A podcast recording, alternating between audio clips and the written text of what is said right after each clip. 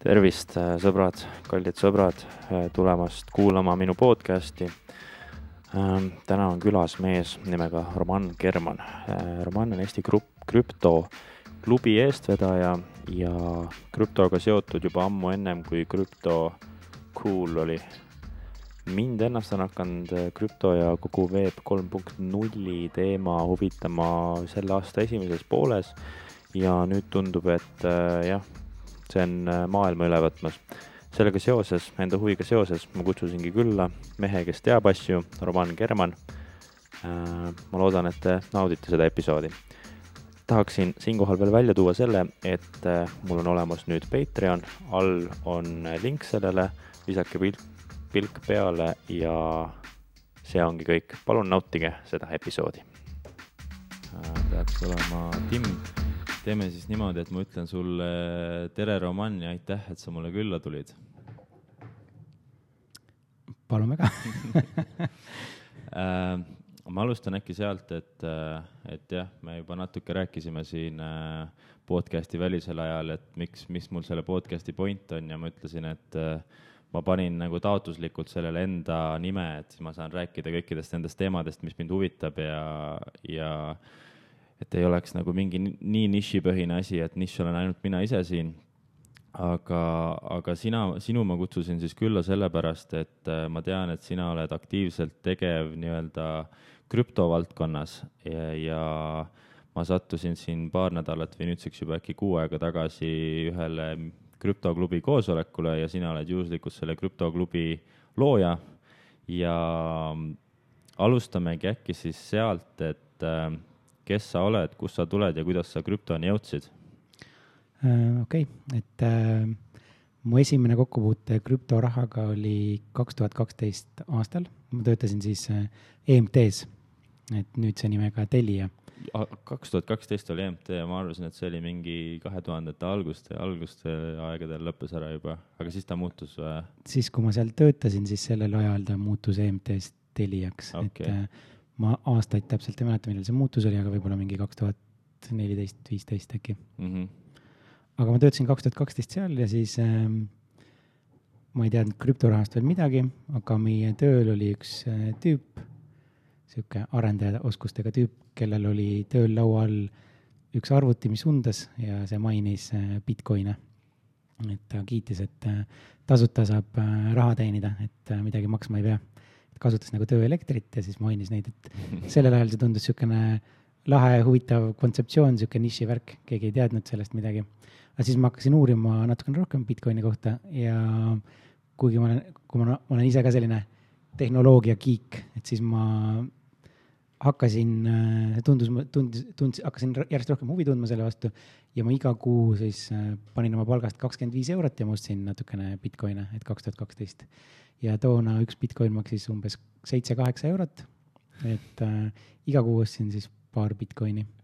Ja ega nendega midagi nagu teha ei olnudki, lihtsalt ostsin neid ja ma ei tea, see oli nagu väga väike osa minu elust, ma lihtsalt nagu huvi pärast kogusin neid, aga ma hoidsin neid oma Bitcoine, kuna ma ei teadnud tol ajal midagi turvalisusest, ma hoidsin neid ühes Bitcoini exchange'is või siis nagu börsil. Ja probleem oli see, et äh, kui sa ei hoia neid Bitcoine nii-öelda enda, enda käes, siis sa kunagi ei tea, mis nendest võib saada, et inglise keeles on niisugune ütlus, et not your keys, not your Bitcoin, et põhimõtteliselt, mis, mis toimus, oli, et äh, keegi häkkis sinna Bitcoini exchange'i sisse ja sealt varastati üle miljoni Bitcoini ära. Äh,. Nende hulgas ka minu kakskümmend seitse Bitcoini et äh, tegelikult, tegelikult äh, selleks ajaks mul oli rohkem Bitcoine, aga ma vahepeal juba osad müüsin maha, ma mäletan, et hind tõusis sealt kuskil kolmesaja euroni või midagi, see oli väga suur mm -hmm. kasv, siis ma osad müüsin maha, aga need, mis mul alles veel olid, et need äh, varastati ära kahjuks. väga karm, kas sa siiamaani teed igapäevaselt neid kalkulatsioone, et kui palju sul oleks täna? ei tee jah, et magan, magan rahulikult, et ainult ainult kui ma kellelegi mainin, siis vahest äh, keegi teeb suured silmad selle peale, siis vahest arvutame koos välja, et palju see on. ma praegu isegi ei tea, mis see summa võiks olla eurodes. okei okay,, okei okay., aga ennem podcast'i sa mainisid, et sa oled Saaremaalt pärit, eks ole, nagu mina olen. Äh, seda ma ei teadnud, kas sa oled minust noorem siis või vanem? ma olen üheksakümmend kolm aasta väljalase. ma olen sinust vanem. aa, ma oleks isegi pakkunud, et sa oled noorem äkki. okei, okei, kus koolis sa käisid?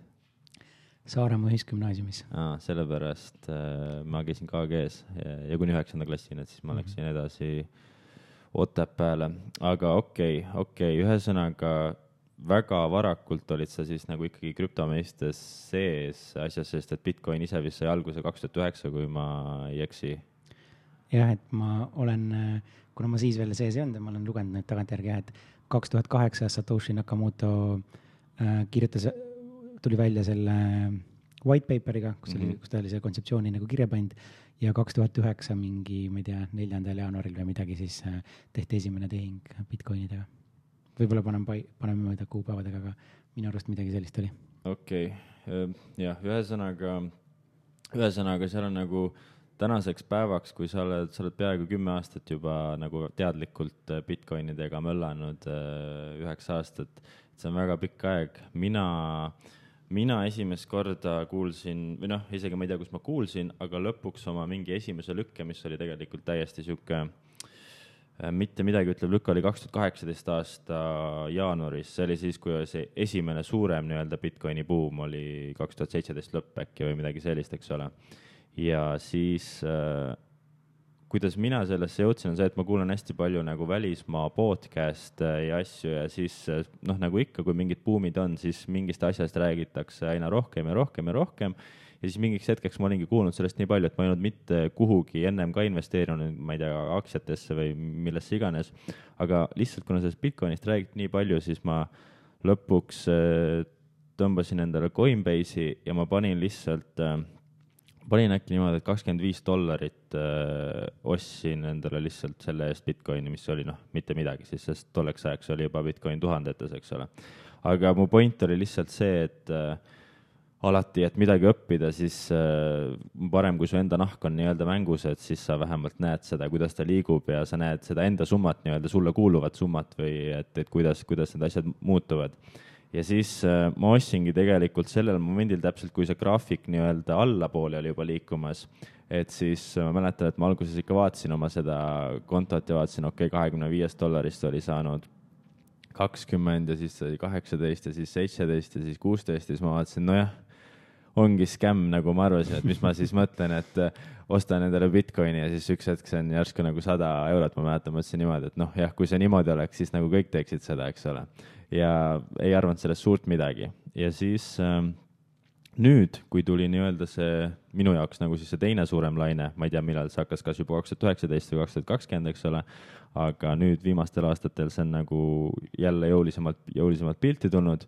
Ja tänaseks lihtsalt noh, isegi nagu kui mina nii-öelda võrreldes sinuga tulin sisse tegelikult väga hilja, siis mina, ma jätsingi tegelikult niimoodi, et ma meelega jätan enda sellesama sellesama kakskümmend viis dollarit jätsin nagu sisse ja sinna ei ole rohkem investeerinud, tegin endale muudesse kohtadesse kasutajad ja seal möllan nüüd edasi. aga sellest on saanud nagu, ma muutsin siis selle currency eurodeks ka, et nüüd täna mul on seal mingi, ma just vaatasin, sada kakskümmend eurot, mis nagu on lihtsalt selles mõttes suur näitaja, et ikkagi mingi viie-kuuekordne tõus, eks ole. päris, päris hea, parem ja. kui pensioni. just, just, et selles mõttes, selles mõttes see moment, siis ma nüüd ma sain aru, et vähemalt sellega, et aa, okei okay,, et tegelikult see ikkagi, see asi tõuseb ja et see ei ole mingi skämm selles mõttes. ja nüüd selle viimase lainega, noh, nagu ma arvan, et väga suur protsent inimestest on, noh, see mainstream tuleb nüüd peale ja mina olen siin üks, üks osa sellest mainstream'ist nii-öelda.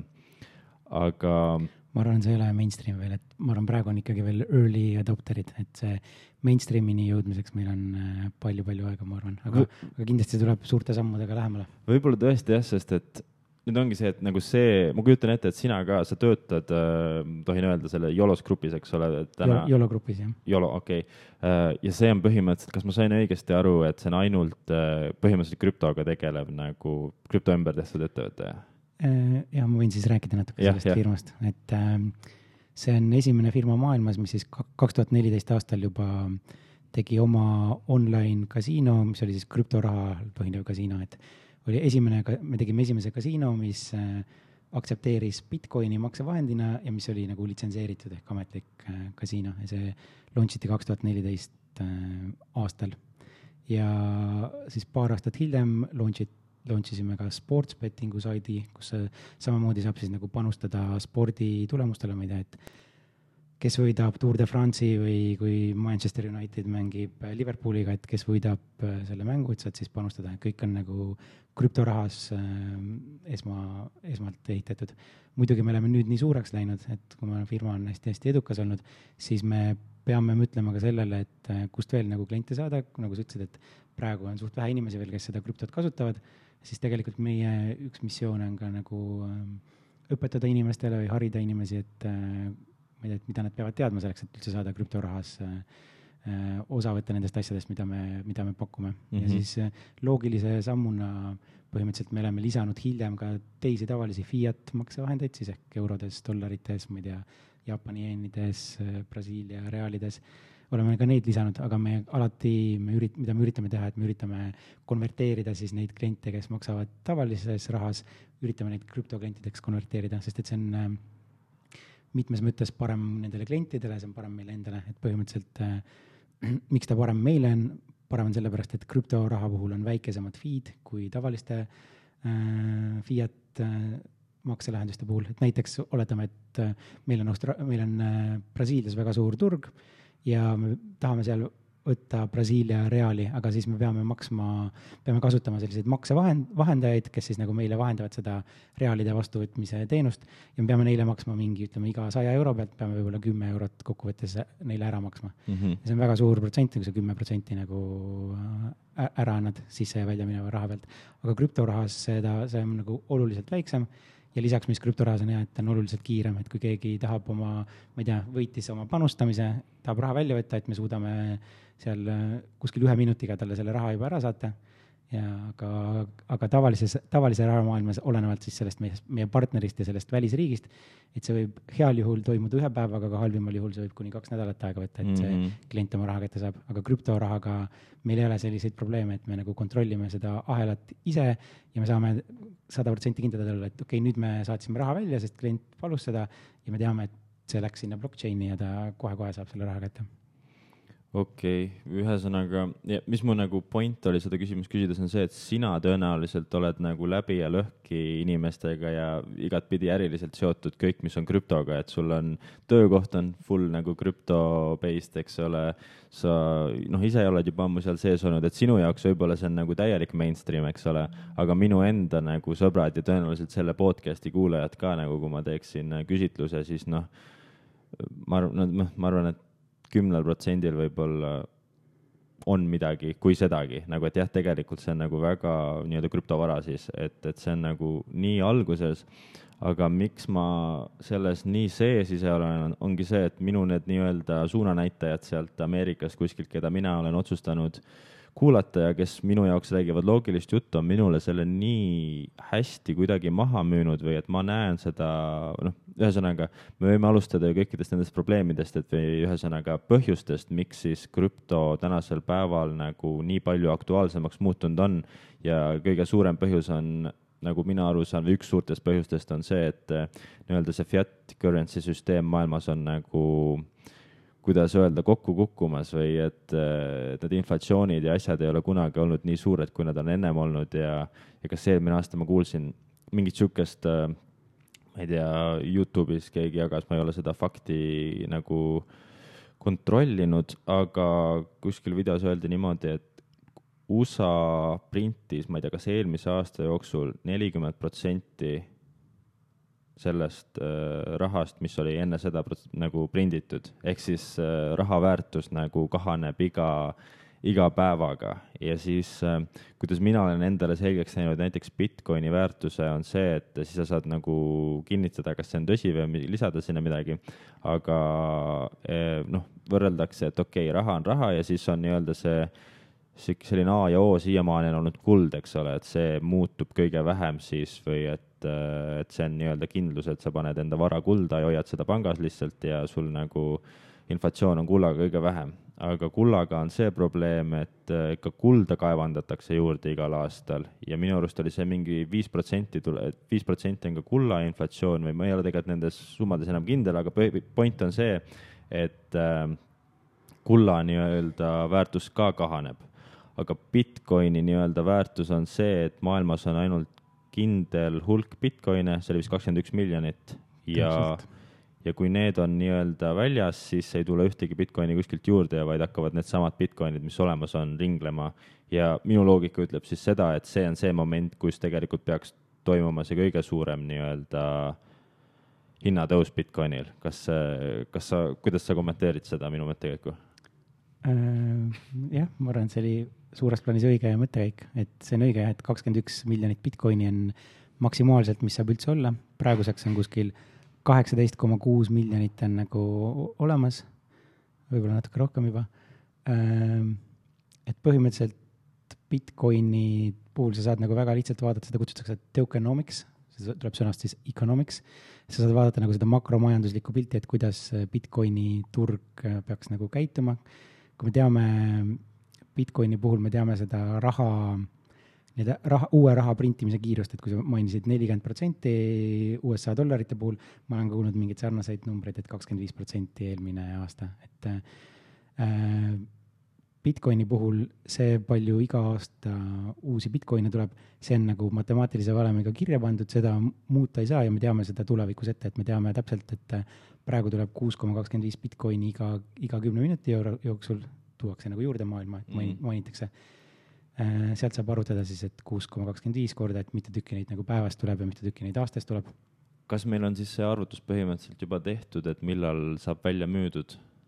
Ja me teame, et äh, aastaks kaks tuhat kolmkümmend kaks on vist üheksakümmend kaheksa protsenti kõikidest Bitcoinidest äh, mainitud. kaks tuhat kolmkümmend kaks? ja, et üksteist aastat praeguseks. aga see ei ole loogiline minu jaoks, minu mõttes selles mõttes, et kuidas see lõpp praegu nii aeglaselt läheb, aga algus läks nii kiiresti, kui kahekümnest ühest miljonist on praeguseks, mis sa ütlesid, kaheksateist miljonit või mis see? jah, üle kaheksateistkümne miljoni yeah.. see on sellepärast loogiline, et see on ka nagu sinna Bitcoini mainimise alamisse kirja pandud, et äh, põhimõtteliselt esialgu, kui see Satoshi Nakamoto siis esimesi Bitcoine hakkas, hakkas neid esimesi tehinguid tegema ja siis ülemaailmne see Bitcoini minerite võrgustik hakkas nii-öelda Bitcoini mainima, et see võib-olla keeruline kontseptsioon on, et mis see Bitcoinide mainimine on.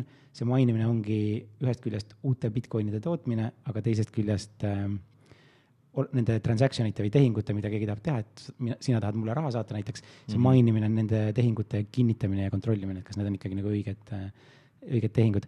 ja alguses, kui see Satoshi Nakamoto kaks tuhat üheksa esimesi tehinguid hakkas tegema, siis, siis toodi turule iga kümne minuti jooksul viiskümmend Bitcoini.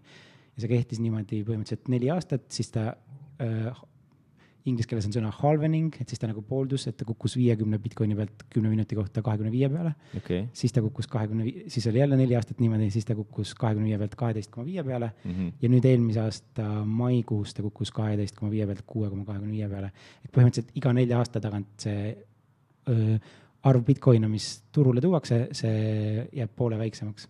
okei okay.. et sellepärast oligi nagu see vastab su küsimusele, et esialgu tuli hästi palju neid juurde mm, -hmm. aga mhm. nad ei olnud nagu suurt midagi väärt, siis nüüd äh, tuleb neid järjest vähem, vähem juurde, aga nad on hästi palju. aga see kõik oli siis seal white paper'is kirjas juba kaks tuhat üheksa või kaks tuhat kaheksa aastal siis tehniliselt, jah? täpselt nii, see oli seal kirjas, et see ei ole nagu muutunud enam. see on päris äh, huvitav ja jah, sest okei okay,, see teeb äh,, see teeb asja väga palju huvitavamaks, sest mul on tegelikult üks isekas küsimus äh, mining'u kohta.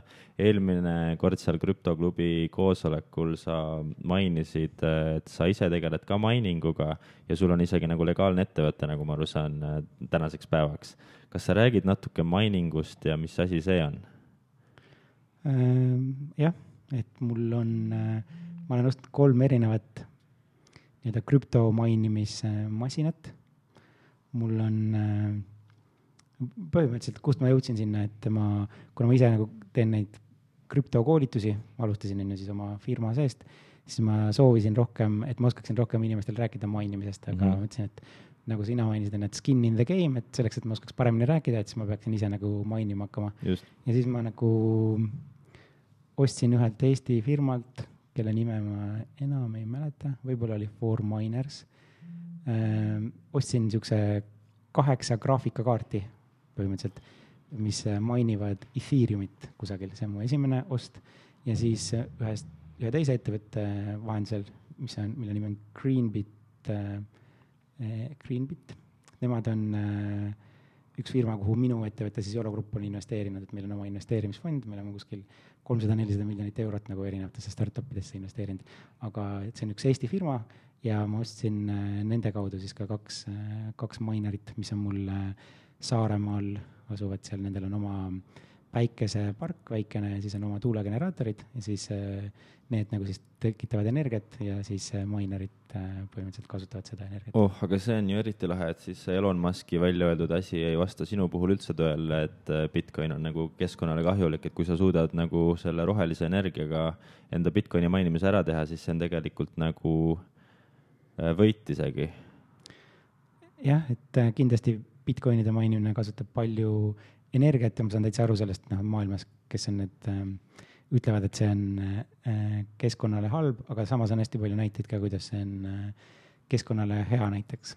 et ma võin äh, veel näiteid tuua, et ma käisin selle aasta juunis, ma käisin Miami's Bitcoin kaks tuhat kakskümmend üks konverentsil, seal oli mingi, see oli suurim Bitcoini konverents, mis iga aasta nagu maailmas toimub.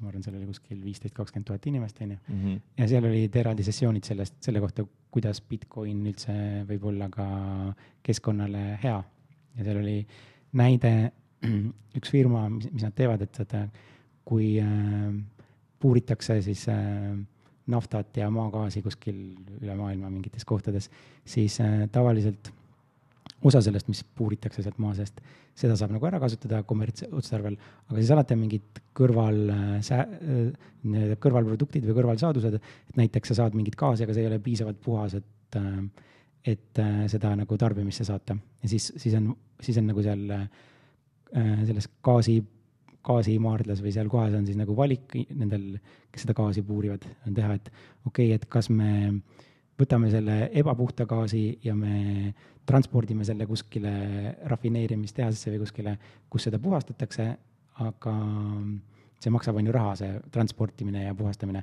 või me laseme selle lihtsalt atmosfääri ja põhimõtteliselt äh, seal on mingi see, mingi kasumlikkuse punkt, on ju, et kui see maksab rohkem kui mingi hulk, siis see lihtsalt lastakse atmosfääri. ja see on tohutu hull ähm, äh, kasvuhoonegaasi, kasvuhoonegaas, vist äh, metaan äh, aga teine variant on, et nad panevad selle põlema ja siis lasevad atmosfääri. see on natukene parem äh, keskkonna jaoks, aga see on ka ikkagi halb ja kasvuhoonegaaside tekitaja. siis on olemas mingid firmad, kes põhimõtteliselt, nendel ongi Bitcoini minerid on ähm, konteinerite sees ja siis äh, nad viivad need konteinerid otse sinna gaasimaardlate juurde mm -hmm. ja siis nad äh, võtavad sisse selle nii-öelda ebapuhta gaasi, nendel on seal konteineri küljes mingi oma väikene süsteem, mis suudab nagu seda ebapuhast gaasi nagu ära tarbida ja ümber töötelda, nii et need minerid saavad energiat. põhimõtteliselt äh, nad äh, on, on keskkonnale selles mõttes kasulikud, et nad kasutavad ära need, äh, selle gaasi, mis muidu lihtsalt atmosfääri lastakse mm. ja tekitaks kasvuhoonegaase, on ju, tekitaks kasvuhoone seda mis selle nimi on? kasvu, kasvu, kasvuhooneefekti täpselt. et siis nüüd tegelikult nad tarbivad selle ära Bitcoini mainimiseks ja selle käigus nad nagu puhastavad selle ära, nii et ei lasta midagi atmosfääri, et see mõnes mõttes on, võib ka kasulik olla atmosfäärile. ühesõnaga innovatsioon oma parimas tähenduses on see. Ähm, okei, aga kui mainimise juurde tagasi minna, siis ähm, eile ähm, ma nägin sellist kuulutust eesti keeles äh, Facebookis äh, Okidokis, see on üles laetud äh,. tegin screenshot'i, et see sulle ette lugeda ähm,. et on müüa siis äh, mul ei ole siin näha, mis asi see on, aga ühesõnaga see mainimismasin ja kirjas on kaevevõimsus viiskümmend kuus TH. lihtsas keeles on see siis hetkeseisuga kuussada kakskümmend üks eurot kuus, äh, sulgudes nice hash kalkulaatori järgi, mis on minu kogemusel vägagi täpne. voolukulu on kaks tuhat kakssada kaksteist vatti ehk siis kakssada kuuskümmend neli eurot kuus arvutatuna tavalise kodupaketi hinnaga hetkel seade kaevandab null koma null üks null kuus kuus Bitcoini kuus sobib kasutamiseks keldris, kuuris, laos, garaažis, kuna on üsna lärmakas. kulutatud voolust üheksakümmend protsenti konverteerub soojaks, seega on võimalik otseses mõttes tasuta kütta. kui, kui on parematel tingimustel fikseeritud hinnaga leping või muul viisil soodne energia omast käest võtta, äh, sulgudes päiksepaneelid, siis see suurendab kasumlikkust oluliselt. samu, samuti suurendaks kasumlikkust Bitcoini hinnatõus, mis ilmselgelt võib juhtuda seade asub Tartu lähedal ning on blablabla testitud ja soovi korral saad isegi välja rentida neljakümne euro, euri eest kuus äh, enda hinna enda pinna, ühesõnaga jätta sellele sinna pinnale, kuhu, kuhu saab masina siis tööle jätta ähm, ühesõnaga, ja selle asja hind oli viis tuhat kolmsada eurot kasutatuna, kui ma mäletan, ma ei näe siit praegu. aga ütleme, et äh, ütleme, et see kõik on tõsi, äh, mis siin on, äh, see kõlab loogilisena sulle kõik, mis siin oli kirjas? Need summad tundusid jah, et võiks olla tõsi. okei okay., nii, siis teeme lihtsa arvutuse, et kuussada kakskümmend üks eurot, siis võtad selle elektri hinna maha, eks ole, ja sa saad praktiliselt siis nagu kasumi kätte sellest, mis on siis mingi kolmsada viiskümmend, kuuskümmend eurot mm. -hmm.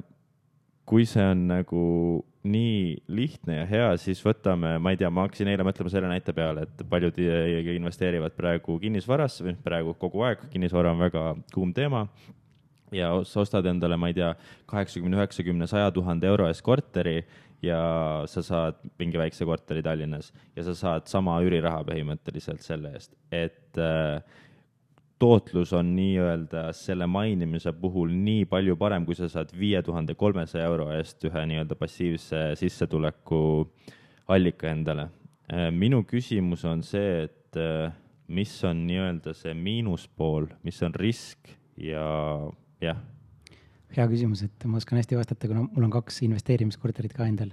et siis ma tean nagu mõlemalt poolt okay. ma, olen ka seda nagu mõelnud, et okei okay,, et tulevikus, mida on nagu targem teha, kas osta veel mõni korter investeerimise mõttes või panna raha nendesse mineritesse. aga ma arvan, et jah, mõned fundamentaalsed erinevused, millest peaks aru saama. et kinnisvara investeeringu puhul sa tead, et kui sa ostad endale selle korteri ja üürid selle välja, see on väga-väga pikaajaline, põhimõtteliselt niikaua, kui see korter eksisteerib ja niikaua, kui inimesed, inimesed tahavad elada seal kohas, kus sul see korter on, niikaua sa saad seda tõenäoliselt välja üürida, on ju. Mhm. inflatsiooniga seoses tõenäoliselt lähevad hinnad ülesse, nii et tõenäoliselt äh, tulevikus sa saad äh, rohkem üüriraha kui täna, et viie aasta pärast saad rohkem üüri, kümne aasta pärast veel rohkem ja nii edasi. nüüd siia kõrvale, kui me võtame krüptoraha mainimise, siis äh, mis juhtub, on see, et see ei ole nagu aegumatu, selles mõttes, et sa ei saa igavesti seda mainimise raha. et äh, ühel hetkel, mis, mis juhtub, on see, et äh, äh, ütleme, kui sa Bitcoini mainid, on selline kontseptsioon nagu difficulty, mining difficulty, ehk et kui raske on uusi Bitcoini mainida. ja see difficulty muutub järjest suuremaks, järjest raskemaks, see tähendab, et aja jooksul äh, sinu, see raha, mida sa teenid selle mainimisega, see järjest väheneb. iga, iga kahe nädala tagant see Bitcoini võrk, network vaatab nagu tagasi eelmisele kahele nädalale ja nad vaatavad, et kui süsteemi arvutusvõimsus on suurenenud, kõik Bitcoini minerid maailmas kokku, siis äh, muudetakse keer-, muudetakse raskemaks mainimine. iga kahe nädala tagant toimub see. põhimõtteliselt, et kui si-, keegi ostab uue mineri, lisab siia Bitcoini minerite võrku ülemaailmsesse, siis äh, sa lisad arvutusvõimsust kogu siia süsteemi ja siis kahe nädala tagant vaadatakse, okei okay,, et kui enne oli selline, selline arvutusvõimsus kogu meie sellel võrgul, siis nüüd on näiteks kümme protsenti suurem, siis järelikult muudetakse kümme protsenti keerulisemaks Bitcoinide mainimine. mida see sulle tähendab, et kui sa selle seadme ostad, see tähendab, et sa, kui ta seal kuulutuses oli kirjas, et mitu Bitcoini see suudab nagu mainida mm, -hmm. siis mhm. tegelikult kahe nädala pärast see langeb natukene ja siis jälle langeb ja jälle langeb.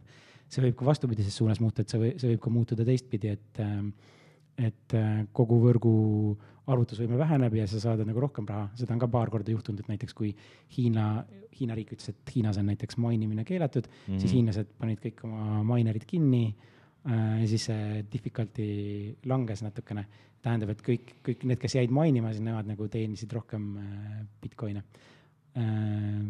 jah, et see on nagu väga oluline asi, et kuna ajalooliselt me teame, et difficulty läheb kogu aeg suuremaks, siis ühel hetkel, mis juhtub, kui sa selle mineri ära ostad, on see, et Äh, kui sa võrdled elektri hinnaga, palju sa pead maksma, on ju, elektri eest mm -hmm. versus see, et kui palju see sulle teeb, et ühel hetkel nad muutuvad nagu üheks, et äh, elektri eest pead kolmsada maksma ja teenid ka kolmsada, okei okay,, sama, põhimõtteliselt jääd nulli, et sul polekski nagu mõtet seda teha. Yeah.. ja see juhtub nagu tõenäoliselt päris kiiresti, et äh, kindlasti see juhtub hiljemalt kolme aastaga, ma võiks öelda, aga tõenäoliselt kiiremini mingi, see võib juhtuda kuskil kuue kuu kuni kahe aastaga ka, et seda, seda ei tea ja see on see risk, mis sa nagu võtad ja niikaua, et põhimõtteliselt võib juhtuda, et sa ei saa oma investeeringut tagasi, sest et see difficulty läheb nii palju kiiresti raskemaks ja see, sul muutub see ebarentaabliks. ja siis põhimõtteliselt kogu maailmas on selline industry, kus needsamad minerid siis nad rändavad mööda maailma ringi oma mineritega, otsivad, kus on nagu kõige, kõige odavam energia hind, sest et siis sa teenid, on ju, rohkem raha.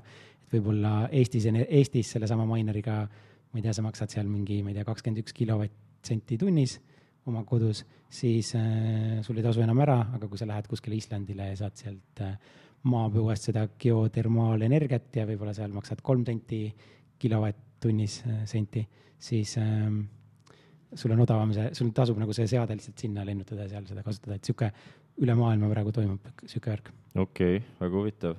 aga see tähendab siis seda, et põhimõtteliselt mainimise kuldajad on nagu möödas või et nagu nüüd mainimisse sisse tulla on võib-olla isegi natuke liiga hilja, sa, kui sa ise peaksid nagu vaatama, ütlema seda, hindama ma ei, otseselt niimoodi ei ütleks, et kõik on ikkagi, ütleme, ma ei pea veel ennast nii asjatundjaks selles mainimises, aga ma arvan, et fundamentaalselt ei ole erilist vahet, kas sa alustad nagu mainimist täna või sa alustasid seda näiteks seitse aastat tagasi, et äh, seesama trend, mis ma rääkisin, et see, et see difficulty muutub raskemaks ja see mm -hmm. ei tasu sul tulevikus enam ära, seesama kehtis seitse aastat tagasi, see kehtib ka, kehtib ka praegu, tõenäoliselt kehtib ka kümne aasta pärast, kui kui see mainimine sellel ajal veel eksisteerib üldse.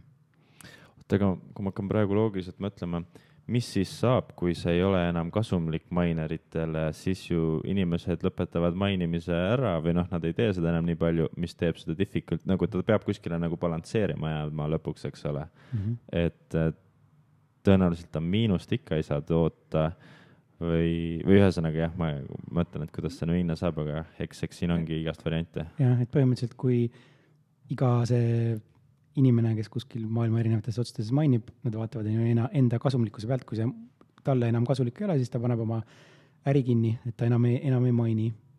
ja põhimõtteliselt see Bitcoini võrku eriti palju ei mu-, ei, ei häiri või midagi selles mõttes ei, ei muutu seal, ta lihtsalt muudab seda difficult'it, aga nende inimeste jaoks, kes tahavad Bitcoinis makseid teha ja teiste minerite jaoks eriti midagi ei muutu, lihtsalt et kui keegi sealt süsteemist nagu välja astuvad, mõned minerid, siis äh, teiste mainijate jaoks see muutub rohkem äh, kasumlikuks. aga, aga sinule näiteks, kui sa ostad selle seadme, ma täpselt ei tea, mis seade see on, aga need erinevad seadmed võimaldavad siis nagu kasutada erinevaid ähm,, erinevad, ütleme, on lisaks Bitcoinile on teisi krüptorahasid ka, on ju, mhm. ja erinevad krüptorahad kasutavad erinevaid algoritme, mida siis äh, need mainijad peavad nii-öelda kasutama, et seda okay. krüptoraha. kas ma saan tõenäoliselt sedasama kasutada Ethereumi jaoks ka näiteks? jah, et sõltuvalt, et oleneb, kui need olid mingid graafikakaartidest tehtud, siis tõenäoliselt sa saad jah, et äh, seda, seda siis nagu tehaksegi, et need mainijad vaatavad, nad hüppavad nagu erinevate krüptorahade vahel, et vaatavad, et okei okay,, ma saaksin praegu neid sadat mainida, aga praegu on Bitcoin kõige kasulikum, siis ma kaevandan Bitcoini, aga nüüd on näiteks mingi, ma ei tea, Litecoin kasulikum, siis ma switch in Bitcoini pealt Litecoini peale mm. -hmm, okei okay.. aga, aga osad äh, seadmed on sellised ka, mida sa ei saa nagu kasutada teiste asjade jaoks. okei okay., kas äh, midagi on veel peale lihtsalt Bitcoini ostmise ja siis kaevandamise kas oli mingi väljarentimine ka, tegelikult sellest ma ei tea mitte midagi, kas või räägime praegu mingit umbluud ähm.? nii-öelda, kas on veel mingit võimalust, kuidas siis äh, krüptoga või siis oleme korrektse, äh, täpsemalt Bitcoiniga on võimalik nagu nii-öelda raha teenida? palju erinevaid variante on jah, aga võib-olla siis see mainimisest rääkida veel nii palju, et seal on nagu, seda saab ka erinevat moodi teha, et praegu me rääkisime sellest, et sa ostad nagu mingi seadme mm, -hmm. mida mina olen nagu teinud ja mis see kuulutus sul oli.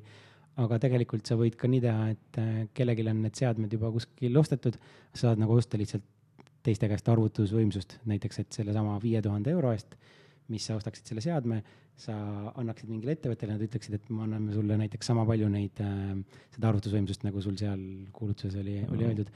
ja siis selle eelis on võib-olla see, et äh, sa ei pea nagu muretsema, et et näiteks kui see seade katki läheb, on ju, siis kui see homme läheks katki, siis sul, sa ei saakski oma investeeringut kuidagi kunagi tagasi mm. -hmm. aga siis vähemalt see risk on selle ettevõtte kanda, et kui nendel mingid seadmed lähevad katki, nad on sulle lubanud ju mitte mingit kindlat seadet rentida, vaid nad sulle müüvad lihtsalt arvutusvõimsust, siis nad peavad ise kuskilt selle mingite teiste masinate arvelt nii-öelda sulle suutma võimaldada. et selle eelis võib-olla oleks see, et äh, see on nagu palju lihtsam sulle kui inimesele, et sa lihtsalt äh, ühe korra teed mingi sissemakse ära ja siis tulevikus sul tuleb nagu järjepidevalt seda nii-öelda passiivset äh, sissetulekut. aga seal on muidugi jah, omad negatiivsed asjad, tõenäoliselt nad võtavad mingi protsendi on ju vahelt, et sa teenid mm -hmm. natukene vähem äh,. alati on see risk, et et äh, keegi paneb jooksu su rahaga, on ju, et äh, ma ei tea, ühel hetkel nad enam ei maksa sulle neid välja, mis sa siis teed, võib-olla see firma asub kuskil, sa isegi ei tea, kus riigis on ju, et see on nagu riskid võrreldes tavalise selle mainimisega. et seda saab kindlasti ka teha. okei okay., see ühesõnaga võimalusi on palju Äh, aga äkki liigume ikkagi Bitcoinist edasi. Äh, ma olen kuulnud seda, et Bitcoin on krüptomõistes nii-öelda kuld ja Ethereumit nimetatakse hõbedaks. Äh, mis sina arvad Ethereumist ja kas sa oled selles mängus ka kuidagi sees või? jah, et põhimõtteliselt kaks peamist krüptovaluutat, mida ma oman, on siis Bitcoin ja Ethereum, et äh, kindlasti Bitcoin on see nii-öelda digitaalne kuld. Ethereum, ma ei tea, ei julge öelda, et see on hõbe aga ma ütleksin niimoodi, et äh, kui midagi siin nagu meie praegust seda maailma, kus me elame, et kui me ütleme, et millele on suurem potentsiaal seda maailma muuta, maailma alustalasid muuta, siis kindlasti Ethereumil. juba praegu on näha, et see muudab maailma rohkem, ma arvan, kui Bitcoin, noh, Bitcoin tegi ukse lahti, et äh, keegi sai jala nagu, et digi, digiraha sai jala või krüptoraha sai jala ukse vahele, aga Ethereum on see, mis meie maailma nagu tundmatuseni muudab nagu MySpace ja Facebook oli põhimõtteliselt kunagi, et MySpace alustas ja siis Facebook muutis maailma täielikult.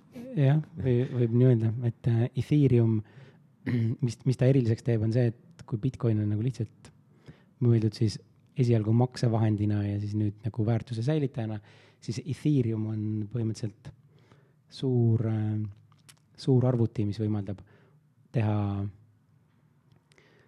nagu ikka arvutid igast erinevaid tehinguid ja mi miks see oluline on see, et ta on nagu krüptoraha baasil ehk ta on detsentraliseeritud ja ta on trustless ehk sa ei pea kedagi, ühtegi osapoolt usaldama. ja sa saad teha Ethereumi baasil selliseid asju nagu smart contract'id, ma ei tea, mis ta eesti keeles selleks nuti, nuti äh,. tehing. nuti, mitte tehing, aga nutileping või midagi sellist mm., noh, peaks mõtlema, äkki on okay., äkki on hea sõna eesti keeles sellele olemas. aga põhimõtteliselt nende smart contract idega saab ähm, muuta seda, kuidas meie maailm nagu töötab, et äh, juba, juba praegu see nagu hästi aktiivselt muutub, et on hästi palju, kui me ütleme nagu, mis on need reaalsed asjad, mis nagu Ethereumi baasil on ehitatud, mida Bitcoini baasil ei saaks ehitada, et äh, esimesed asjad on võib-olla mingid äh, mängud. näiteks praegu on üks mäng, kuulus mäng, mille nimi on Axie Infinity, mida maailmas mängivad miljonid inimesed, põhimõtteliselt seal mängus on äh, sa mängid mingit kaardimängu ja siis seal on seal nagu erinevad mingid karakterid, kes äh, omavahel, ma ise ei ole kunagi seda mängu mänginud, nii et võib-olla ma ajan natukene pada, aga nad omavahel seal võitlevad, need karakterid, siis saad neid kuidagi paaritada või midagi umbes, et sul on mingi, ma ei tea, kollane tibu ja krokodill ja siis sa paaritad neid, siis sul tuleb mingi kollaste sulgedega krokodill või noh, midagi sellist mm -hmm. saad mhm. teha. Äh, et äh, Ethereumi baasil on võimalik luua siukseid rakendusi, mida Bitcoini baasil ei saa teha mis ähm, on täie-, mis ei nõua nagu, mis ähm, ei ole, ei ole vaja enam nagu keskset äh, sihukest asja, keda sa usaldad. Middleman siis Mid,. Middleman, jah. okei okay., äh, ühesõnaga jah, tegelikult me jõuamegi siit nagu sujuvalt siis äh, sellise uue nähtuseni, nagu seda on NFT-d, aga enne veel ma võib-olla, mis mul endale hästi huvitav on mõelda või ma olen kuulnud seda teisi tarkasi inimesi rääkimas, on siis äh, ja nimetamas seda uut liikumist nii-öelda veeb äh, kolm punkt nulliks siis. et äh, kui lahti seletada, siis need eelmised veebid, siis loogika on siis umbes see, et veeb üks punkt null sai alguse siis üheksakümnendatel, kui see World Wide Web hakkas liikuma ja see siis võimaldas nii-öelda informatsiooni levikut, kui tulid Google'id ja asjad ja sa said Eestis siis neti.ee-d ja said seal möllata ja lihtsalt informatsioonile nagu ligipääsu.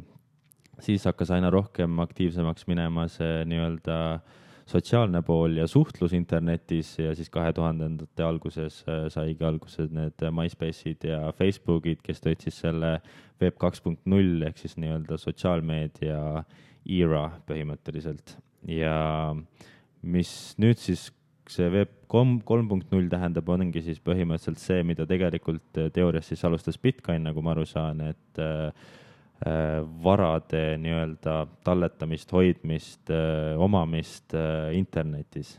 ja kui nüüd äh, loogiliselt ja selle peale mõelda, siis tundub justkui, et see Web kolm punkt null on justkui nendest kolmest isegi kõige nii-öelda tõsisem ja suurem äh, võimalus. Ja ma ütlen ausalt, et täpselt sellel põhjusel minule nagu kui täiesti põhimõtteliselt nii tehnoloogia valdkonnast ja krüptovaldkonnast väljastpoolt tulevale inimesele on see, isegi mina saan aru nagu, kui suur äh, nii-öelda erinevus ja nii-öelda võimalus äh, meie tänapäevases maailmas on. Ja selle nii-öelda varade omamise, ma ei tea, kas üks suurimaid või nii-öelda alaliike või äh, nii-öelda jah, ongi NFT-d ehk siis non-fungible tokens, kas sa oskad NFT-dest rääkida natuke lähemalt? Äh, natuke ikka oskan jah. ma, ma tahaks tuua enne mõned näited, mida, mis võib maailmas muutuda tänu sellele, et see nagu Web kolm null, nagu sa nimetasid okay., võib tulla. täiesti näiteks, et äh, sa, elad kusagil korteris, ma ei tea, kas sa elad üürikorteris või sul on oma üürikorteris, üürikorter, nii, siis sul on mingi suhe selle omanikuga, on ju, ja pead maksma talle iga kuu üüri. näiteks äh, tulevikus saaksite teha või see, tegelikult see on juba võimalik praegu, lihtsalt see ei ole jõudnud veel mainstream'i, te saaksite teha omavahel nii-öelda smart contract'i, kus äh, iga kuu sina maksad siis selle summa sisse, mis sul on see üürisumma, näiteks viissada eurot mm, -hmm. maksad mingile aadressile ja niikaua, kui sa seda maksad sinna, siis sinna sisse on programmeeritud näiteks, et äh, sinu äh, ukselukk nagu, et võti, mis sul on ukseluku jaoks, et see nagu töötab. ja siis ühel hetkel, kui sul ei ole makstud, siis see ukselukk lihtsalt ei tööta, et äh, täitsa vabalt saad nagu siukse äh, nii-öelda nutilepingu siis teha, selle smart contract'i ja see oleks nagu täis digitaalne, ilma et see üürileandja peaks nagu selle eest muretsema, ilma et sina peaks selle eest muretsema, et mõlemad, mõlemad teate, mis nagu tingimused on, mida peate täitma mm. -hmm. sina tead, et ma pean sinna raha saatma. Äh, ja see omanik siis teab, et okei okay,, kui sa raha ei saada, siis sul võti ei tööta. see on nagu mõlema poole jaoks on nagu hands off ja keegi ei saa nagu seda äh,, muuta seda seda reeglit, et te saate ainult koos seda reeglit muuta, aga te ei saa nagu, et äh, üürileandja teeb seal mingit sahkermahkrit või et sina teed mingit sahkermahkrit, et see, see ei ole võimalik, et näiteks selline selline näide. ühesõnaga, see muudab äh, kogu, see smart contract tähendabki siis nagu nutilepingut, nagu sa ennem rääkisid ja see, see tähendabki reaalselt seda, et kõik lepingud maailmas saavad tegelikult olla tulevikus needsamad smart contract'id, et ma olen ka kuulnud sellest, et kunagi hakatakse tõenäoliselt jah, abielu, abielutunnistus on samamoodi smart contract ja nii edasi, et sul ei eksisteerigi enam ühtegi, ma ei tea, notari juures tempel peale löödud asja yeah.. mis on nagu jah, mis on, mis on võib-olla isegi nagu natuke liiga kaugelt, kus alustada äkki, kui nagu inimesele selgitada, mis asi see üldse on.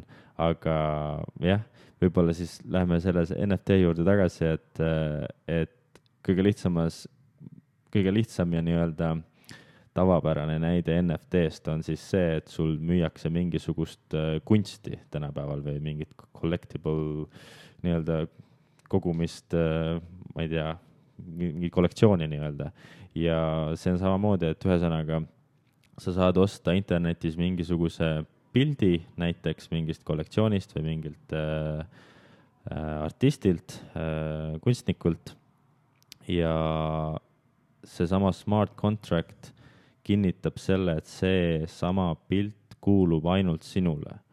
ja see on selles mõttes hästi huvitav valdkond, et ja ala, et siin praegu on see, see moment, kus on hästi palju nii-öelda kõhklejaid ja kahtlejaid, kes ei saa sellele asjale selles mõttes pihta, et hästi palju on vaata vaidlus selle üle, et äh, noh, mul on see pilt küll, aga teine inimene ütleb, aga ma saan ju ka sellest screenshot'i teha ja ka enda selle seina peale riputada, et kes seda nagu äh, jah, nii-öelda sa ei saa mind peatada, mis, mis, mis on selle kõige suurem vahe või mis sa arvad sellest äh, NFT-st?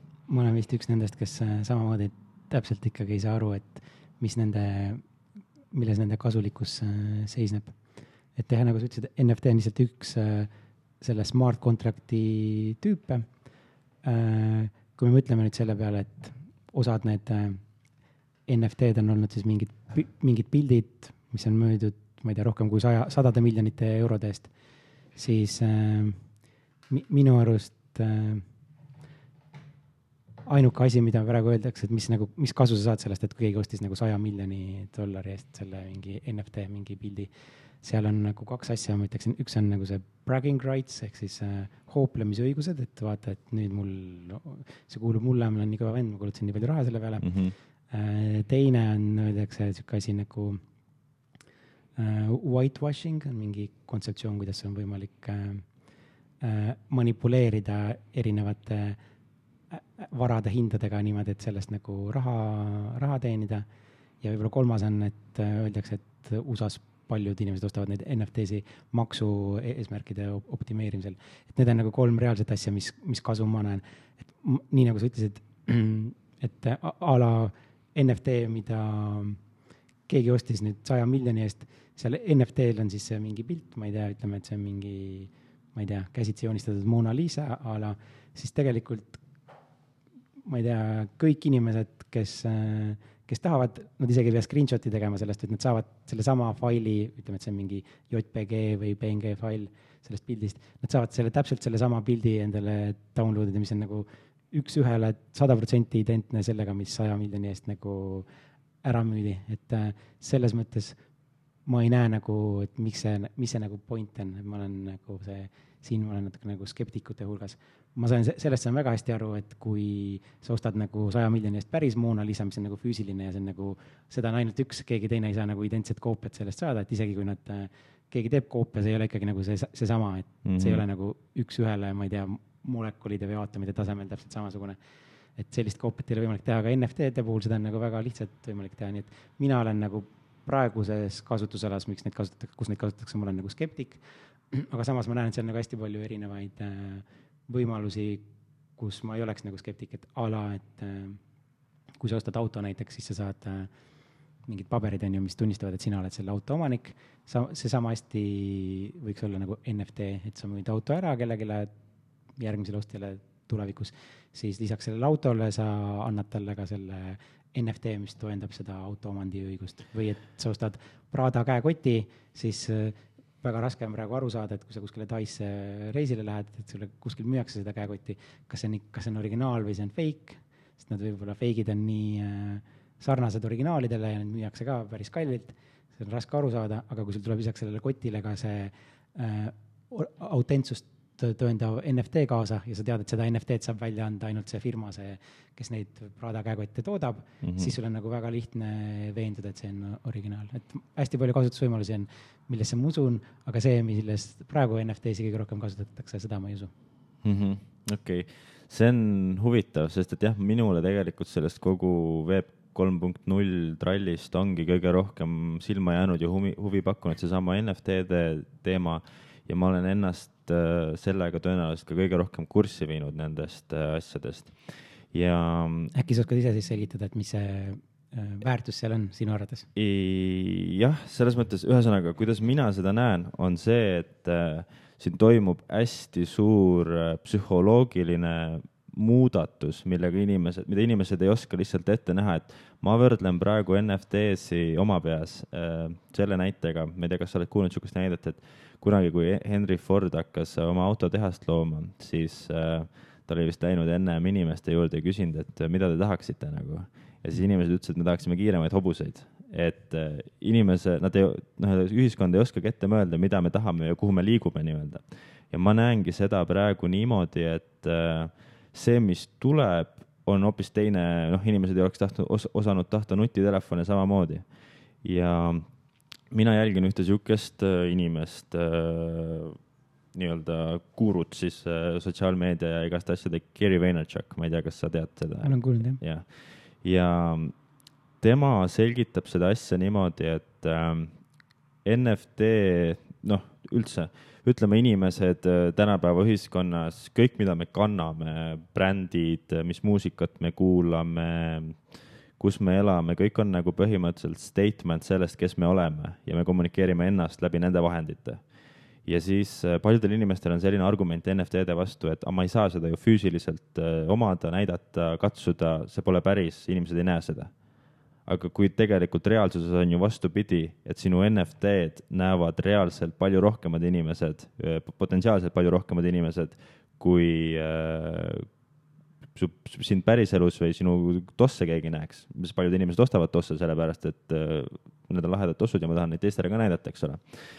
ja sealt saabki kõik selline uus liikumine nagu alguse minu arust, et äh, tänapäeval on, ma ei tea, mis on noorte jaoks oluline, on see, palju sul on Tiktokis või Instagramis on follower'e, on palju olulisem kui see, ma ei tea, mida sa päriselus suudad teha või kes sa oled, eks ole. ehk siis kõik selle asja nagu tuum minu arvates on see, et see on äh, nii-öelda digitaliseerumine selles mõttes, et äh, kõik varad ja asjad liiguvadki internetti ja tulevikus saab olema meil seesama nii-öelda wallet, mis on siis see, kuhu sa saad ka enda NFT-sid talletada teiste asjadega koos ja see on sul nii-öelda avalik ja sa nii-öelda täpselt nagu sa ise tõid selle välja, kuidas sa ütlesid, bragging äh,. Bragging rights. jah bragging rights, mis on nagu, kõlab nagu väga nii-öelda negatiivse tooniga selles mõttes, aga samas see on inimloomuses, kas me tahame või mitte ja see tuleb nii või naa ja sellepärast müüvad Gucci'd ja asjad samamoodi tänapäeval, et see on lihtsalt äh, see, kuidas me ühiskonnana kommunikeerime, kes me oleme.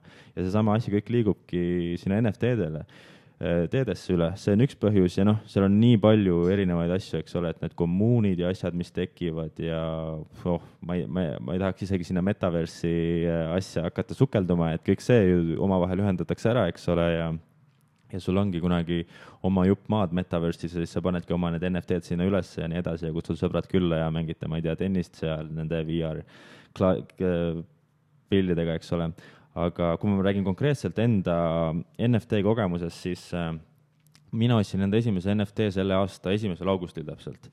Ja täpselt sellesama Gary Vaynerchuki põhimõtteliselt äh, nii-öelda, tema tutvustas ühte projekti äh,, tegi lihtsalt Instagrami laivi ja siis äh, projekti nimi oli World of Women ja ma vaatasin, et ma vaatasin, ma olin juba ennem kursis, mis NFT maailmas to toimub, seal on mingid krüptopankid, asjad on, mis on nii-öelda äh, kõige, kõige populaarsemad. Ja ma vaatasin, minu, minu mõte oli lihtsalt see, et aa, okei okay,, naistele suunatud selline mingi teema, naiste, naine on artist, kes selle tegi ja esimene nii-öelda suurem asi. Ja ma ostsin selle ma ei mäleta, palju see nii-öelda Ethereumis oli, aga mingi kahesaja, kolmesaja dollari eest ostsin lihtsalt ühe ära ja mõtlesin, et jällegi, et panen skin in the game ja siis ma saan paremini aru, mis toimub. ja siis hakkas vaikselt hakkas nagu nii-öelda see floor price kasvama, mis tähendab siis seda, et noh, ühesõnaga, kui ma räägin sellest kollektsioonist lähemalt, see oli siis kümme tuhat erinevat äh, pilti nii-öelda Äh, graafilist pilti erinevatest naistest põhimõtteliselt lihtsalt ja siis äh, üks on haruldasem kui teine ja, ja seal tekibki nii-öelda see, et äh, need pildid müüdi kõik välja ja mina juba ostsin tegelikult nagu nii-öelda NFT-de e-base selle põhimõtteliselt OpenSea'st, et ma isegi ei mintinud seda. Ja, ja siis see hakkas suurenema ja siis ma olin juba, juba tõusis see nagu floor price nii-öelda tuhande dollarini ja siis ma olin, et oi raisk, et see on päris hea siin, ma ostan ühe veel, vaata. sest et üks nagu äh, nii-öelda nõu, mida NFT-des antakse, on see, et osta alati kaks, et siis kui sa äh,, sa saad ühe maha müüa ja teist hoida nii-öelda äh, väga pikaajaliselt, et kui sa peaks kunagi saama järgmiseks krüptopankiks. ja ma ostsin selle teise ka koos tüdruksõbraga me tegelikult ostsime selle kahe peale, et äh, tundus kuidagi nagu karm, et äh, panna tuhat dollarit mingisuguse JPG alla lihtsalt, eks ole. aga ma mõtlesin, et ma võtan selle riski ja vaatan, mis saab. Ähm, ja siis ähm, see floor price läks üles, üles, üles, käis alla, alla, alla ja siis ma mõtlesingi, et ah, et ma ei tea, mis saab, et äh, räägitakse siin, et mingi NFT Winteri asi võib tulla, et see kõik noh, bull market võib nii-öelda kokku kukkuda, eks ole. ja ma müüsin ühe maha Äh, ja müüsin ühe maha kahe koma viie Ethereumi eest. ehk siis see nagu tootlus oli kindlasti noh, kõige parem investeering, mis ma kunagi teinud olen, aga sellegipoolest nagu ma saan ise täielikult aru, et see oli sada protsenti algaja õnn, nagu ma ei oska, kui ma oskaks seda teha, ma oleks endale väga palju rohkem raha teeninud, aga ma ei oska praegu ühtegi teist NFT kollektsiooni valida ja ma ei leia neid selliselt tasemelt, et osta seda, aga ühesõnaga, et äh, minu jaoks on nagu see see kas käid... praeguseks, kui sa oleksid hoidnud, hind oleks veel kõrgem või äh,? ei, kusjuures praegu on floor price üks koma kaheksa ja, aga ma ei müünud ka kõige õigemal hetkel, floor price oli kõige kõrgemal hetkel kolm koma null, aga minu plaan oligi see, et ma müüsin nüüdseks juba mingi kuu aega tagasi maha, et ma teadsin või noh, nii-öelda lugesin seda, et Ethereum ja Bitcoin hakkavad nüüd selle aasta lõpuks nagu jõudsalt tõusma ja siis ma tahtsingi endale Ethereumit saada, et minu jaoks oli see nagu kindlam vara kui äh, selgita seda ka, et mis see floor price seal on ah,. jah, floor price on see siis, et äh, nii-öelda kui kollektsioon saab läbi müüdud, ehk siis kõikidel äh, piltidel on oma omanik, siis need pannakse nagu järelturule ja floor price on siis kõige odavama nii-öelda pildi hind järelturul, et see siis pidevalt kõigub ja ja jah, kui me räägime mingi krüptopankist või asjast, siis selle floor, floor price on tänaseks tõenäoliselt mingi noh, ikka väga jõhker äh, summa, et äh, neid müüakse jah, sada tuhat dollarit kindlasti, aga kallimad on mitu miljonit euro, dollarit, et see on ikka, see on karm, et, et ma ausalt öeldes ka ei kujuta ette, kuidas see kuidas see asi nii suur on, et ma tegelikult võtsin ühe fakti siit välja ennem, et äh, enne podcast'i, et kaks tuhat kakskümmend oli NFT äh, see turu suurus kolmsada kolmkümmend kaheksa miljonit ehk siis transaction ite vol volüüm nii-öelda. Ja selle aasta kolmanda kvartali lõpuks oli see kümme koma seitse miljardit ehk siis see on nagu ikka väga jõudsalt äh, kasvanud.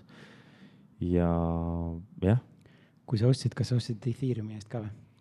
ja, ja, ja, ja. kas sa, võin küsida, kas sa tehingutasudele ka nagu tähelepanu pöörad, kas see oli midagi, mis sa vaatasid, et, et mõjutab sinu seda ostu või müügi? Sa mõtled gas feed siis ja. äh, jaa, ikka selles mõttes, et ma tegin selle suht kiiresti endale Youtube'i videode põhjal selgeks, et see gas feed siis äh, muutub vastavalt sellele, kui palju on äh, tollel momendil üldse neid äh, transaction eid kokku siis, eks ole, ja, ja lihtsalt nüüd mu strateegia on see, et kui ma pean midagi liigutama nii-öelda Ethereumit, siis ma teen seda tavaliselt Eesti aja järgi hommikul, sest et siis on nagu USA-s on öö ja kõige vähem on neid transaction eid. aga tol momendil see ei olnud midagi nii hullu või noh, jah, ikkagi selles mõttes protsentuaalselt on see palju, nelikümmend, viiskümmend dollarit, ma arvan, ma maksin selle kahesaja, kui ma esimest korda ostsin ka pealt, aga noh, jah, selles mõttes kes riski ei võta, see šampust ei joo, aga ei, vahepeal on tõesti nagu naeruväärselt kõrged need hinnad ja eks sellepärast tulevad nüüd ka nagu Ethereumile kõrvale mingisugused teised, teised äh, samasugused nii-öelda, ma ei tea isegi, kas need nimetada network ideks või või asjadeks, aga, aga jah, seal on nagu ikka, kui üks asi oleks nagu sada protsenti hea, siis noh, niisugust asja ei ole olemas, vaata, et. see on praegu suurim probleem kõikide populaarsete krüptorahade puhul, et need tehingutasud on äh, liiga suured, see tähendab, et äh, inimesed tahavad teha rohkem tehinguid, kui see süsteem äh, võimaldab ja siis põhimõtteliselt inimesed võistlevad, et kelle tehing läbi läheb ja siis sellepärast sa peadki nii suuri summasid maksma, ma arvan, et see on suurim probleem praegu, et kui see probleem ära lahendatakse krüpto, krüptorahanduses, siis see nagu loob, lööb uksed valla hästi paljude, hästi suur, hästi suurele innovatsioonile ja asjadele, mis nagu teha saaks, et äh, ma ei tea, praegu mingitel juhtudel see gas fee siis on ju, mis sa teed, see sõltub sellest äh, smart contract'i suurusest, põhimõtteliselt sõltub andmehulgast, mida sul on vaja sinna blockchain'i sisestada. ja kui sa teed mingeid keerukamaid tehinguid, sul võib seal mingi tuhat eurot minna see tehingutasuks lihtsalt. sa tegid, kui sa teed piisavalt keerulise sellise tehingu. aga mis peab juhtuma jah, et kõik need tehingutasud tuhande euro asemel, et sul oleks mingi üks sent või isegi, isegi veel vähem, aga praegu on hästi palju erinevaid äh, tehnoloogiaid, mida arendatakse, et seda, et me sinna jõuaksime, aga ma arvan, et ühel hetkel, kui me jõuame sinna järgmise mingi ühe-kahe aasta pärast, siis ähm, siis see nagu loob uue niisuguse innovatsioonilaine maailmas. nojah, kui sa üldse võtad seda, kui, kui keeruline on tegelikult praegu mingit NFT-d osta, et sa pead kõigepealt tegema endale mingi kasutaja kuskile Coinbase'i või Binance'i, et või noh, tegelikult sa saad teed kohe endale wallet'i näiteks, Metamaski, ja siis sa pead kõigepealt ostma Ethereumit ja siis sa pead tegema sellega omakorda neid äh, transaction eid, et saada asju osta kuskilt internetist, et see on, see on üpris keerukas ja, aga noh, samas ma olen ka kuulnud, et noh, kõik asjad olid alguses keerukad, eks ole, noh, iga, iga tehnoloogia oli alguses väga, internetis ei olnud ka mugav käia üheksakümnendatel, eks ole, et et see asi tõenäoliselt läheb noh, täiesti kindlalt läheb selles mõttes äh, kasutajakogemuse poolest lihtsamaks, et sa samamoodi võtad endale äpi ja teed lihtsalt kaks näpuliigutust ja saad samamoodi asju osta, et see, see ongi see, milles see tehnoloogiamäng on, eks ole. aga kas sa, ma mõtlesin, et kuna teie olete ka krüpto, krüpto nii-öelda eh, sinu töö ja ettevõte, kus sa töötad, eh, olete krüptoga seotud ja spordiga seotud, siis ma tahtsin tegelikult rääkida sellisest, eh, sellisest nii-öelda välismaa startup'ist nagu So Rare sa kindlasti tead, kes nad on ja mis nad teevad mm,? vist ei tea. ei tea või? oh,. siis ma mõtlesin, et nad on ka jalgpalliga seotud, sest et äh, räägige sellest, minu arust oli see ka hästi lahe minu jaoks, et te olete, teete seal YOLO grupiga siis selle välismaa, Inglismaa jalgpalliklubidega koostööd ja sponsoreerite neid. ja see on siis sellel põhjusel, et te olete nagu selles äh, panustamismängus nii-öelda business'is sees ja siis äh, selle läbi proovite äh,, mis, kellega te tegite, Southamptoniga? Äh, jah, võin siis rääkida, et mm -hmm. esimese diili me tegime eelmine aasta, kui me olime Inglise kõrgliiga klubi Watfordi see särgi sponsor, et äh, nad olid üks klubi, kes tõusis vist just selleks aastaks tõusis nagu Inglise kõrgliigasse ja lisaks sellele, et me panime oma sinna logo sinna sportsbet.io sinna särgi peale, me panime ka käise peale nagu Bitcoini logo, see oli eelmine aasta. aga see aasta me oleme siis kahe Inglise klubi sponsor, et me oleme Southamptoni peasponsor ehk siis see särgi sponsor ja me oleme Arsenali jalgpalliklubi ähm, official gambling partner okei okay,, okei okay., ühesõnaga seda üllatavam mul on, et siis sa Souraire'i ei, ei olegi kohanud, aga see on ühesõnaga Prantsusmaal loodud äh, ettevõte ja mis nemad teevad, on see, et nad tegid tegelikult nii-öelda collectible äh, football cards ja nii-öelda internetipõhise siis. kas need on siis nagu NFT-d, iga kaart on nagu NFT? ja, ja, aga mis on ülihuvitav Äh, on see ja mis on selle asja nagu tegelik väärtus. alustame sellest, et äh, nüüd see aasta nad just äh, korjasid raha juurde, tegid seda, kaasasid raha nii-öelda ja nad said seitsesada või mingi kaheksasada tuhat, mitte kaheksa, seitsesada miljonit dollarit, mis tõstis nende ettevõtte väärtuseks neli koma kolm miljardit dollarit, ehk siis nad on nagu unicorn, nad on Prantsusmaa ettevõte ja ja ühe, jah, ühesõnaga jalgpall on minu teada maailma kõige populaarsem sport ka, eks ole, kõik on, meeldib sensi. Ja sa saadki osta seal nii-öelda siis kaarte. Ja mis on see muutus nii-öelda või mis on nagu minu arust kõige geniaalsem asi ka psühholoogilises mõttes, on see, et nende samade kaartidega sa saad koostada enda tiimi ja mängida liigat seal. Ja ehk siis äh, panustada nii-öelda nende kaartidega, mida sina omad. Tundub väga geniaalne, me oleme ise sarnaseid mõtteid mõelnud. just, ja ta on geniaalne, tead miks sellepärast, et äh, ma ei, mina jõudsin, minu teooria on see, et täna on äh, pettimisel natukene sihuke negatiivne maik võib-olla või et ta on gambling, eks ole, et see mm. ei ole niivõrd. aga seal tekib see psühholoogiline muutus, et sul on collectible, mille sa oled ostnud. sa ei ole, ja sa ei osta seda, sest et ma ei tea, kõik lapsed koguvad ka korvpallikaarte, eks ole, või jalgpallikaarte, et sa lihtsalt kogud sellepärast, et sulle meeldib see sport. ja nüüd sa paned need kaardid omavahel mängima, aga see on juba raha peal, eks ole mm. -hmm. ja seal tekibki see, et see ei ole enam äh, mängurlus, kuigi ta tegelikult on, aga ta ei paista niimoodi välja ja see on jälle niisugune väike nurgamuutus nagu, mis tegelikult on hästi suur vahe. ja ma olen ise mõlgutanud mõtteid sama asju rattaspordiga seoses teha, aga ma ei oska mitte kuskilt pihta alustada, sest see on niivõrd suur amps ja kuidas see nagu noh, kõik see legal pool, mis sa pead tegema, et saama iga tiimi allkirjad ja asjad, et, et sul oleks seda õigust teha. aga see on nagu hästi huvitav. kas nendel on siis äh, ametlikult kõik lepingud kõikide klubidega, kelle kaarte sa saad osta seal? Äh, jah, jah, jah, nendel on koduleheküljel on üleval kõik need tiimid, nendel on suurte tiimidega koostööd ja ne, nendel on nagu real deal ja nad plaanivadki liikuda tõenäoliselt järgmist, või noh, nad juba ütlesid, et nad tahavad võtta nagu teisi spordialasid juurde ja teha, aga, aga see on nagu, see on see, mida ma näen, mis saab olema tulevik nii või naa, et, et see on päris huvitav ja NFT-dele veel juurde seda, et äh, sa saad ju panna ka tegelikult nagu päriselu väärtuse sinna juurde nii-öelda või mingi asja, mille sa saad lisaks nagu, et sa, ma ei tea, ütleme, et tuled vaatama jalkamängu kuskile. jah, see saab isegi vastupidi olla, et sa ostad jalkapileti, lähed vaatama Barcelona mängu ja sa saad selle pileti eest mingi NFT näiteks. ühesõnaga see, kuidas inimesi hakata pardale tõmbama, on ka nagu väga huvitav ja loominguline. et äh ma käisin just kaks nädalat tagasi, ma käisin Southamptoni jalkaklubis, siis ma käisin neid koolitamas krüptoteemadel. kuidas läks äh,?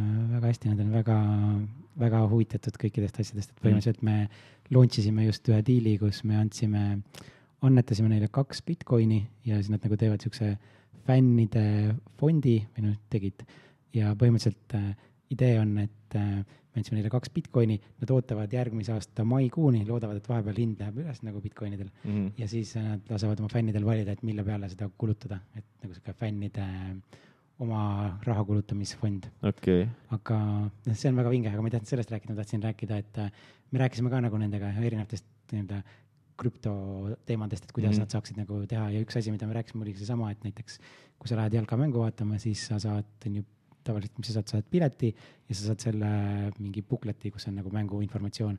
et põhimõtteliselt ähm, sa saaksid neid mõlemaid ka nagu NF, NFT-tada ja kunagi ei tea, on ju, mingi, mingid mängud, millegi, midagi juhtub ja siis need on ajaloolises, ajaloo mõttes nad on nagu väga väärtuslikud nende mängude see memorabilia, et äh, kui sa müüd selle mingi väga kuulsa mängu pileti ära, siis äh, see võib seal mingi sadu tuhandeid väärt olla, sest et neid ei ole nagu piisavalt alles. no siis me mõtlesime sedasama ka nagu, et, et tulevikus võiks liikuda sinna, et nad annavad needsamad asjad NFT-dena ära ja põhimõtteliselt siis tekib inimestel järel, järelturg, et mõttetute mängude piletid ja need brošüürid ei ole midagi väärt, aga kui sul oli nagu mingi mäng, kus ma ei tea, midagi juhtus, ma ei tea, sinu parim staar murdis jalaluu või midagi, siis see nagu on kohe nagu väärtuslikum ja inimesed tahaksid seda omada, nii et ma tean jah, faktina, et suured äh, jalkaklubid mõtlevad samamoodi, nad tõenäoliselt ei ole nii nii kiired ja nii valmis ise neid asju tegema, et nad ootavad, et välispool, väljaspoolt nagu partnerid aitaksid neid. jah, ja, ja noh, praegu ongi see, et kõige suurem nii-öelda takistus ühe külje pealt ongi see, et ühiskond ei ole veel selleks valmis, et sul on nagu väga palju seda onboarding ut vaja teha ennem kui keegi üldse endale mingi wallet'i tõmbaks ja selle NFT-ga midagi oskaks üldse peale hakata, eks ole, et, et, et aga jaa, see kindlasti toimub. aga me oleme ju nüüdseks juba päris pikalt rääkinud Äh, ma mõtlesin ühe sellise hea küsimuse välja oma arust, mida sult küsida äh, lõpetuseks. ja ma tahan, et sa mõtleksid selle peale, et see võib olla nagu väga hea informatsioon võib-olla kuulajale. et äh, küsimus on siis selline, et kuidas sa alustaksid täna oma kogu krüptoteekonnaga pihta, kui sul oleks kõik samad teadmised, mis sul tänaseks on, aga sul ei oleks mitte ühtegi sama tutvust ega vara? kuidas ma alustaksin? Ma kindlasti paneksin endale eesmärgiks, et ma pean ostma mingeid krüptovarasid, siis esiteks mul oleks raha vaja teenida, et neid osta, on ju, mhm. käiksin mm -hmm. tööl edasi. aga mis sa teeksid selles mõttes, et paneksid nii radikaalselt kõrvale, kui sa saaksid või joonista pilt nagu sellest, et kuidas sa seda teeksid, et sa ostaksid Bitcoini, ostaksid Ethereumit? ma arvan, et ma ostaksin neid kahte peamiselt, aga siis ma teeksin nagu mingi siukse loogilise valiku, et kuhu ma veel nagu raha paneksin, et mida nendesse krüptodesse, kus ma näen, et äh, on väga suur kasvupotentsiaal. et ma esialgu panustaksin kasv, kasvule, et millest me täna ei rääkinud, on stake imine, kus sa võid põhimõtteliselt oma krüptorahaga nii-öelda intressi teenida. selle peale ma väga praegu ei panustaks, see on ka nagu hea asi, aga ma panustaksin jah, äh, Bitcoin, Ethereum, sest ma näen, et nende hind jätkab tõusu, ma usun sellesse, et kaks tuhat kolmkümmend üks Bitcoin on mingi kümme miljonit, seda usun mm. -hmm Äh, aga siis ma võtaksin ka mõned teised äh, krüptovaluutad, mille hind on palju väiksem, aga mis on nagu, mis ei ole nagu haip, sest praegu on hästi palju haipi ja ma ütleksin need, mis nagu tehnoloogiliselt äh, on huvitavad minu jaoks ja siis investeeriks nendesse ka mm. -hmm. kaevandamine? Kaevandamist kindlasti tahaks teha, aga kuna su tingimus oli, et raha ei ole, siis sellega oleks nagu raske alustada, enne kui, no sul on vaja nagu mingit asja, mida investeerida, seda raha, et seda kaevandada, et mm. -hmm nagu sa sealt ette lugesid enne, et osta midagi viie tuhande euro eest, sul on päris palju raha vaja, onju. Mhm. aga selleks, et osta väike osa Bitcoinist või Ethereumist, sa võid nagu kahekümne viie euro eest äh, ka osta. et see kaevandamine oleks nagu alles next äh, samm. okei okay,, okei okay. Uh, üks asi veel, millest me vist väga ei rääkinud, on krüptoklubi, et uh, tahad sa äkki mingi shout-out'i teha siia lõppu ja räägi sellest veits? jah, et uh, minge Facebooki, kirjutage otsingusse krüptoklubi, siis te leiate üles meie Facebooki grupi, liituge sellega, kui te olete krüptorahast huvitatud. ja põhimõtteliselt me üritame iga kahe nädala tagant teha mingi event'i, mis on siis kõikidele tasuta. üritame leida oma ala asjatundjaid, kes siis nagu krüptomaailmas, ma ei tea, keegi, kes tegeleb palju mainimisega, siis tuleb, räägib mainimisest, keegi, kes tegeleb palju ma ei tea, stake imisega, tuleb, räägib stake imisest ja nii edasi. et üritame siukseid event'e teha tasuta inimestele vaatamiseks. et idee ongi lihtsalt inimesi harida, silmaringi harida, võib-olla ähm, kiiremini õigeid valikuid teha, et mitte selles, selles maailmas on praegu hästi võimalik, hästi kiiresti võimalik ka oma rahast nagu ilma jääda. kui sa kuulad mingeid äh, šarlatane kuskil, kes äh, ütlevad, et osta seda, et kohe hind tõuseb kümme tuhat protsenti või midagi sellist. et äh, minge Facebooki, otsige krüptoklubi sealt üles. okei okay,, kuule, aga tänud, et sa tulid mulle külla ja oli väga põnev rääkida. aitäh, väga tore oli. Davai ikka, tšau. tšau no nii, kuule, äh, kui sind huvitab krüpto ja sa tahaksid äh, ise ka kuskilt algust teha, siis mina soovitan sellist platvormi nagu Coinbase.